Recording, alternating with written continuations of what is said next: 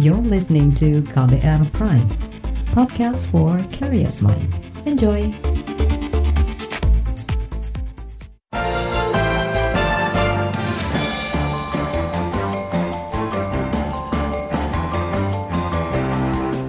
Selamat sore saudara, kembali kami menjumpai Anda melalui program Buletin Sore KBR untuk hari ini Kamis 20 Februari 2020 bersama saya Fitri Anggreni. Dan saya Agus Lukman, saudara sejumlah informasi terkini di, telah kami siapkan untuk Anda. Di antaranya rancangan Undang-Undang Omnibus Law dihilang, menghilangkan tanggung jawab perusahaan atas kebakaran hutan dan lahan.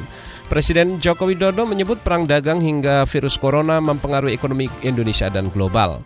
TNI Polri tidak akan menambah pasukan di Intan Jaya, Papua. Inilah Buletin Sore selengkapnya.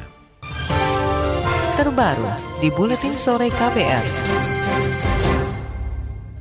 Saudara Aliansi Masyarakat Adat Nusantara Aman memprotes rancangan Undang-Undang RUU Cipta Kerja terutama pasal 37 ayat 16. Pasal itu dianggap memberikan karpet merah kepada pengusaha perkebunan karena menghilangkan pertanggungjawaban pengusaha jika terjadi kebakaran hutan dan lahan.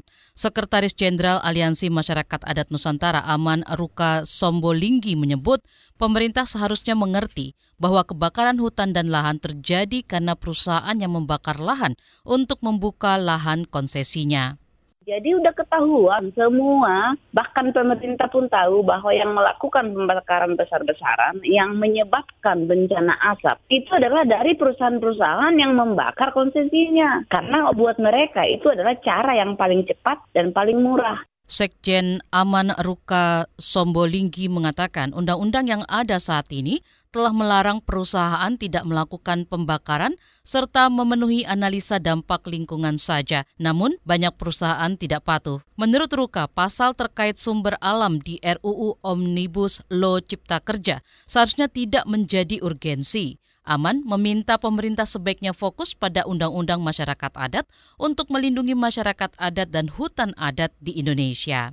Sementara itu LSM Lingkungan Walhi menyebut rancangan Undang-Undang Omnibus Law Cipta Kerja telah menginjak-injak masyarakat Indonesia karena di pasal 37 butir 16 menghilangkan tanggung jawab pengusaha terhadap kebakaran hutan di areal lahan yang dikuasai. Kepala Departemen Advokasi di Walhi Nasional Zenzi Suhadi mengatakan persoalan kebakaran hutan akan dialihkan dan dibebankan kepada seluruh masyarakat Indonesia akan meluas wilayahnya dan akan uh, berlipat uh, uh, frekuensinya. Terjadi apa tidak kebakaran, bisa dihentikan atau tidak kebakaran itu kita sudah sangat tergantung kepada uh, kebaikan alam. Jadi kebakaran berikut uh, ke depannya, kebakaran hutan dan lain itu akan sangat tergantung dengan ada tidaknya hujan. Nah, kebakaran karena sekarang uh, RU Cilaka ini dia selain mem memberikan apa uh, keleluasaan kepada korporasi juga masih juga memberi ruang untuk uh, kawasan gambut yang tersisa itu uh, untuk boleh dibuka. Artinya wilayah yang terbakar itu akan bertambah. Kepala Departemen Advokasi LSM Walhi Nasional Zensi Suhadi menilai pemerintah melepaskan tanggung jawabnya dan perusahaan terkait kebakaran hutan dan lahan di Indonesia. Menurut Zenzi, rancangan Undang-Undang Omnibus Cipta Kerja sangat berbahaya dan mengganggu keseimbangan alam karena karhutlah akan meluas dan berlipat ganda. Sementara itu, pemerintah beralasan RUU Omnibus Law Cipta Kerja bisa menciptakan penyederhanaan dan harmonisasi regulasi. Ketika dikonfirmasi terkait pasal 37 ayat 1 RUU Omnibus Law Cipta Kerja, Presiden Jokowi malah mengalihkan jawaban dengan menjawab pertanyaan terkait pasal 170 RUU Omnibus Law terkait kewenangan pemerintah daerah. Presiden bahkan mengeluhkan terhambatnya investasi akibat lama dan berbelitnya perizinan. Di lain pihak, Ketua Badan Legislasi Balik DPR Supratman Andi hanya menjanjikan pembahasan RUU Omnibus Law Cipta Kerja akan melibatkan elemen masyarakat di semua sektor. Hal itu juga menghindari adanya gejolak penolakan seperti yang terjadi pada RKUHP dan sejumlah RUU lain yang dinilai bermasalah. LSM Lingkungan Aisel menyebut penegakan hukum terhadap pelaku pembakaran hutan dan lahan akan berkurang jika pasal 37 butir 16 di RUU Omnibus Cipta Kerja diterapkan pemerintah. Selama ini pasal terkait penegakan hukum kebakaran hutan dan lahan di Undang-Undang Kehutanan merupakan pasal andalan di Kementerian Lingkungan Hidup. Namun pasal itu akan direduksi di Omnibus Law.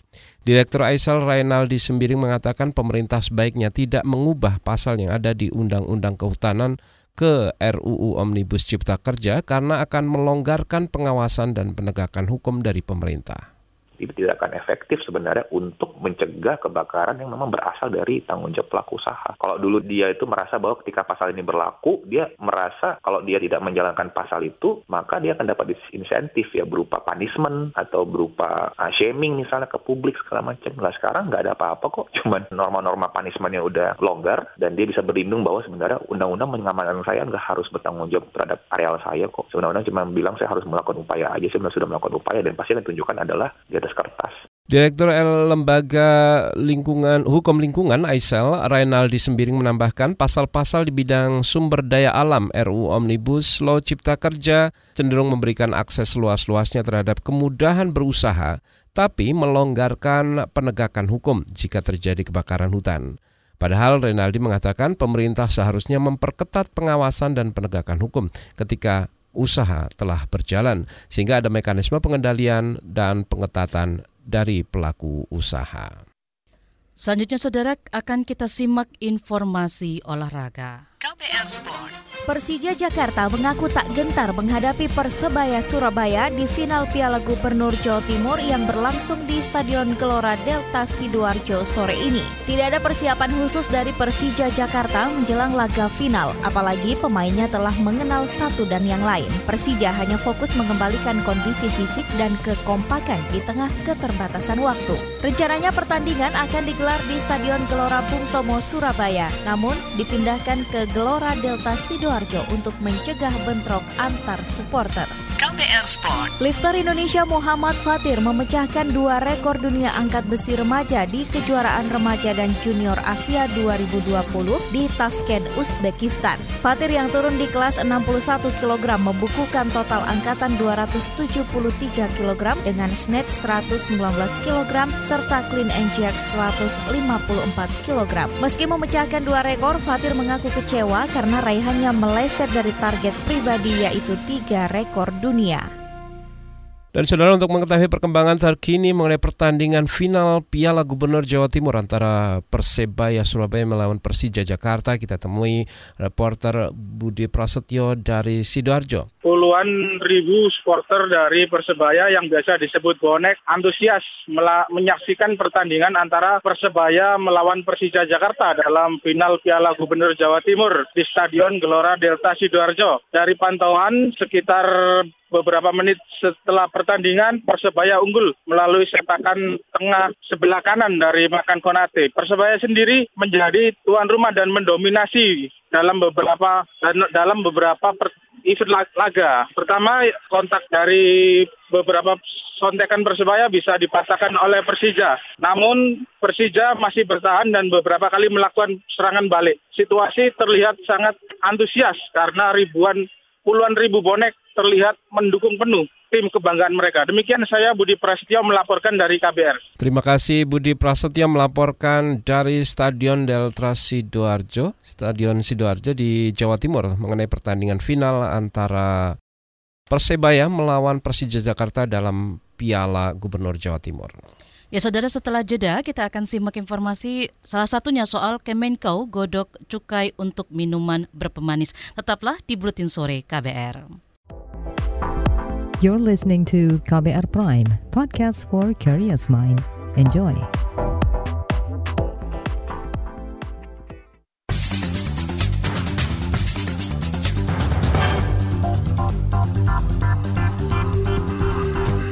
Anda sedang mendengarkan Buletin Sore KBR. Siaran KBR mengudara melalui lebih dari 500 radio jaringan di Nusantara. Bagi Anda yang ada di Jakarta, simak siaran kami melalui Radio Pelita Kasih RPK 96,3 FM. Saudara Presiden Joko Widodo mengingatkan banyak peristiwa besar di dunia saat ini mengganggu kestabilan ekonomi global dan Indonesia. Menurut Jokowi, perekonomian Indonesia saat ini menghadapi tantangan berat dan sulit berkembang. Ekonomi global pada posisi yang kurang baik. Kita tahu ada peristiwa, perang dagang, kemudian virus corona dan juga di kawasan-kawasan yang lain juga kondisinya tidak mendukung untuk tumbuhnya ekonomi global untuk naik ke yang lebih. Presiden Jokowi menyebut peluang investasi harus terus digenjot agar perekonomian dalam negeri stabil di tengah naik turunnya ekspor yang terdampak krisis ekonomi global. Jokowi mengklaim peluang investasi yang masuk ke Indonesia cukup banyak. Hanya saja, kata dia, ada masalah perizinan yang lama dan berbelit yang membuat banyak investor hengkang. Beralih ke informasi lain, Kementerian Keuangan berencana mengenakan tarif cukai untuk produk minuman yang mengandung pemanis rasa. Wakil Menteri Keuangan Suha, Suhasil Nazara membenarkan cukai itu akan dikenakan pada minuman yang berdampak negatif bagi kesehatan.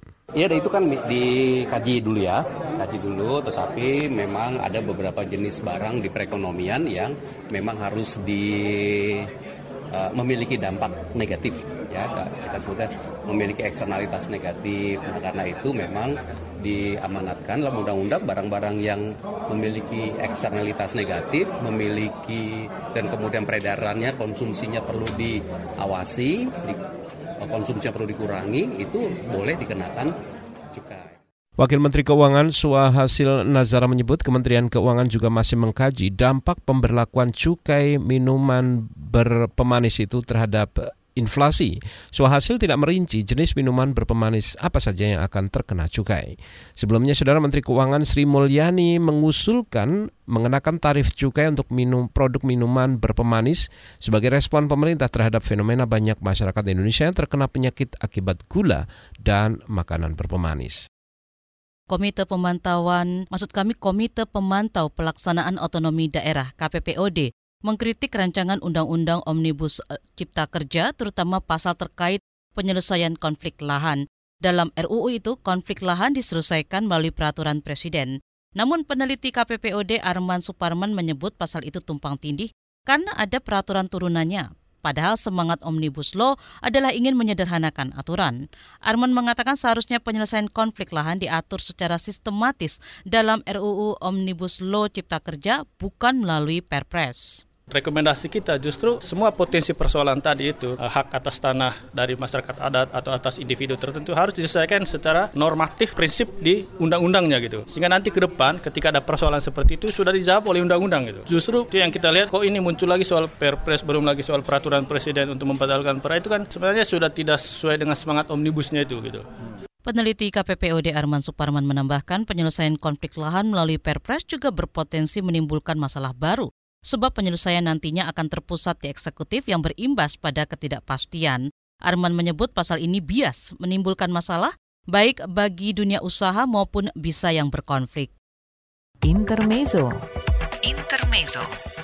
Ilmuwan dari berbagai negara mengutuk anggapan virus corona muncul sebagai realisasi dari teori konspirasi dunia. Para ilmuwan yakin virus itu berasal dari hewan, bukan ciptaan manusia di laboratorium Cina. Ilmuwan ini menegaskan hasil penelitian selama ini jelas menyatakan virus corona muncul secara alami dari satwa liar. Ilmuwan juga menyebut teori konspirasi hanya menciptakan ketakutan, rumor, dan prasangka yang membahayakan kolaborasi antar negara dalam melawan virus ini. Sebelumnya sempat beredar informasi dari warga Cina yang menempuh studi di Institut Virologi Wuhan dan mengatakan virus corona berasal dari tempatnya menempuh studi. Intermezzo Intermezzo. Rubrik Saga akan kami hadirkan usai jeda berikut. Tetaplah bersama Buletin Sore. You're listening to KBR Prime, podcast for curious mind. Enjoy.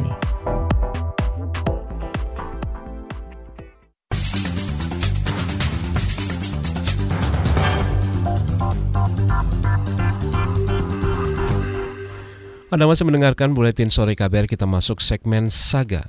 Kementerian Kesehatan mencatat Jawa Timur menempati peringkat pertama pelaporan jumlah HIV terbanyak periode Januari hingga Maret 2019. Di Jember, kelompok minoritas seperti G dan Waria sering dicap sebagai penyebar HIV AIDS. Padahal penyebab utama penyebaran HIV AIDS adalah kurangnya edukasi mengenai kesehatan reproduksi. Jurnalis KBR Rosi Dewi melihat gerakan organisasi Gaya Warna yang berjuang melawan stereotip terhadap LBTQ. Lano kok cemen Kok lembek. Ada itu uh lanang ambil lanang? Itu cuma cuma perkataan-perkataan aja. Kalau di luar itu aja sih. Ya lambat laut tapi kan kita bisa memperbaiki stigma itu. Itu adalah Rizky salah satu gay asal Kabupaten Jember. Ia kerap melihat kawan-kawannya mendapat diskriminasi mulai dari perisakan intimidasi hingga persekusi Assalamualaikum warahmatullahi wabarakatuh. Kita di sini Ogawa. Ogawa itu organisasi gaya warna. Kita fokusnya ke penanggulangan HIV/AIDS, lebih fokus. Kelompok minoritas seksual di Jember kerap dituding sebagai penyebar HIV/AIDS. Padahal data dari Dinas Kesehatan menyebut 87 persen penularan HIV/AIDS dilakukan oleh heteroseksual yang kerap bergonta-ganti pasangan. Pelaksana tugas Kepala Dinas Kesehatan Kabupaten Jember, Dia Kusworini. Bagian besar 25,72 persen itu sebagai ibu rumah tangga. Nanti bisa dilihat riwayat sebelumnya hmm. apa. Nah ini kan kita bisa melihat faktor risiko. Oh, iya. Jadi di sini kalau dari faktor risiko hmm. itu yang paling banyak heteroseksual, karena ganti pasangan. Ya. ya itu 87,58 persen mengaku ganda ganti pasangan. Perilakunya ya berarti. Iya. Organisasi Gaya Warna atau Ogawa melakukan berbagai usaha untuk menghapus stigma itu.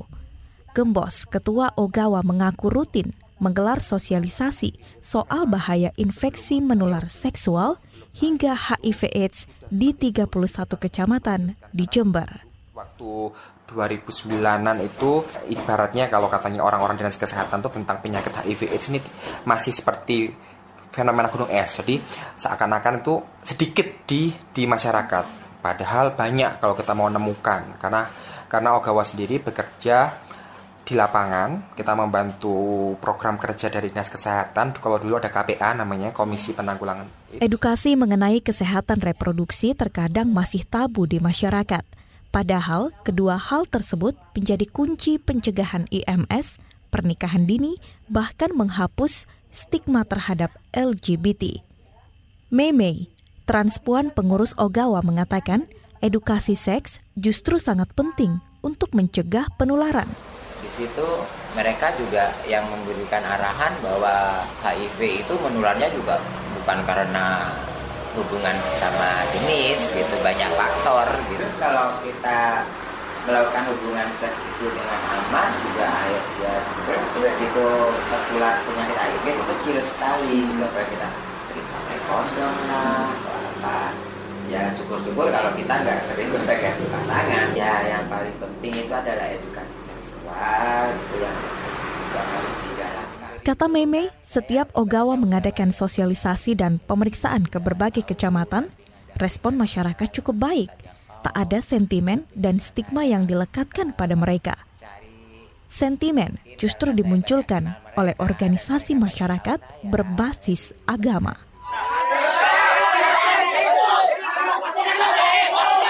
Direktur Mata Timur Institut Ikhwan Setiawan mengatakan, sentimen ormas agama kerap menjadi kendala mengedukasi masyarakat. Padahal, masyarakat perlu diberi pengetahuan soal keberagaman seksualitas. Gender itu kan persoalan yang e, bagi banyak orang itu sepele.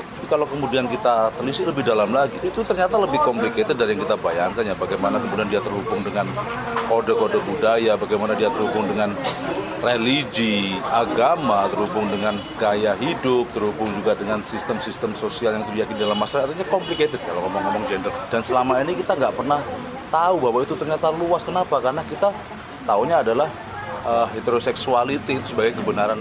Yang IMS itu adalah infeksi menular seks.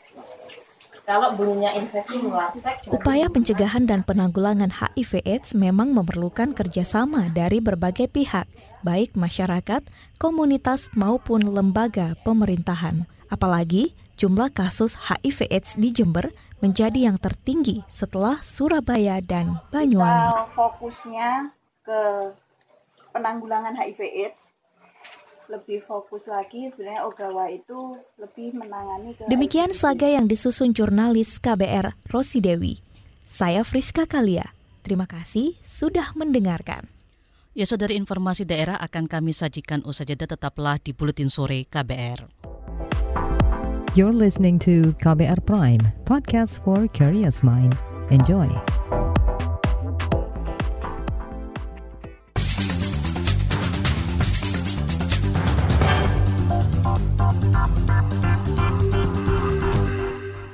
Inilah bagian akhir buletin sore KBR. Kita ke Papua, Saudara Kodam 17 Cendrawasih Jayapura menyatakan tidak akan menambah pasukan ke Kabupaten Intan Jaya pasca terjadinya baku tembak antara tim patroli gabungan TNI Polri dengan terduga kelompok bersenjata di wilayah tersebut. Juru bicara Kodam 17 Cendrawasih Eko Daryanto mengatakan situasi di Intan Jaya kini sudah mulai kondusif pasca insiden baku tembak. Namun tim gabungan TNI Polri tetap melakukan patroli rutin untuk memastikan kondisi di sana aman. Tidak ada, tidak ada. Sementara tidak ada apa penambahan, dan pasukan tetap yang ada, uh, tetap melaksanakan operasi penegakan hukum gabungan antara TNI dan Polri di sana untuk menyisir keadaan uh, TSB. Juru bicara Kodam 17 Cendrawasih Papua Eko Daryanto mengatakan tidak bisa memastikan berapa jumlah tentara TNI yang kini ditempatkan di Intan Jaya. Sebelumnya, saudara baku tembak terjadi antara tim gabungan TNI Polri di Intan Jaya dengan dua terduga anggota kelompok bersenjata. Dalam insiden itu, satu orang dari kelompok sipil bersenjata tewas. Sementara seorang anak perempuan berusia 14 tahun dilaporkan terluka di kaki kiri akibat terkena tembakan. Kita ke Jawa Timur, Saudara. Upaya hukum lanjutan terhadap putusan kasasi Mahkamah Agung terhadap aktivis lingkungan Banyuwangi Hari Budiawan alias Budi Pego masih mandek. Ini disebabkan salinan putusan kasasi dari MA masih belum keluar. Menurut Direktur LBH Surabaya Abdul Wahid, belum turunnya salinan putusan kasasi menyebabkan pengajuan peninjauan kembali atau PK terhambat. Padahal salinan putusan kasasi penting untuk menganalisa celah hukum yang bisa dilakukan tim penasehat hukum Budi Pego upaya-upaya sudah dilakukan sejak lama. Dan bahkan kita ke Jakarta pun juga pernah dalam rangka untuk meminta salinan putusan itu. Tapi ya itu tadi masih belum diberikan sama Mahkamah Agung. Ini kan sebenarnya yang menimbulkan kecurigaan dan semakin mengkonfirmasi bahwa putusan Budi Beko ini adalah putusan yang mengada-ngada dan akal-akalan saja karena Direktur LBH Surabaya Abdul Wajid menambahkan tim kuasa hukum Budi Pego menolak putusan kasasi dari MA tersebut. LBH Surabaya tetap akan melakukan peninjauan kembali terhadap putusan kasasi Budi Pego. Sebelumnya Mahkamah Agung memfonis 4 tahun penjara bagi aktivis lingkungan Banyuwangi Budi Pego. Budi difonis terkait kasus dugaan pengibaran spanduk berlogo Palu Arit. Saudara masih dari Jawa Timur, puluhan warga yang bersepeda dari desa Sumber Mulyo di Kabupaten Banyuwangi akhirnya tiba di kantor Gubernur Provinsi Jawa Timur di Surabaya. Salah seorang warga Hidayat mengatakan aksi bersepeda itu bagian dari meminta Gubernur Jawa Timur Hovifa Indar Parawansa untuk mencabut izin tambang emas PT BSI dan PT DSI di Pegunungan Tumpang Pitu mendengarkan suara masyarakat lah untuk mencabut izin PT BSI dan DSI karena pertambangan di sana hanya merusak ruang hidup masyarakat di sana.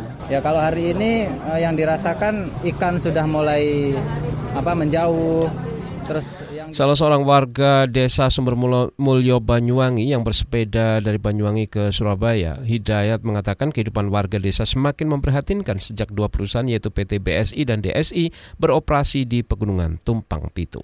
Ya saudara informasi dari Jawa Timur tadi menutup jumpa kita di Buletin Sore hari ini. Pantau informasi terbaru melalui kabar baru, website kabar.id, Twitter at Berita KBR, serta podcast melalui kbrprime.id. Akhirnya saya Fitri Anggreni. Dan saya Agus Lukman, kami undur diri. Salam.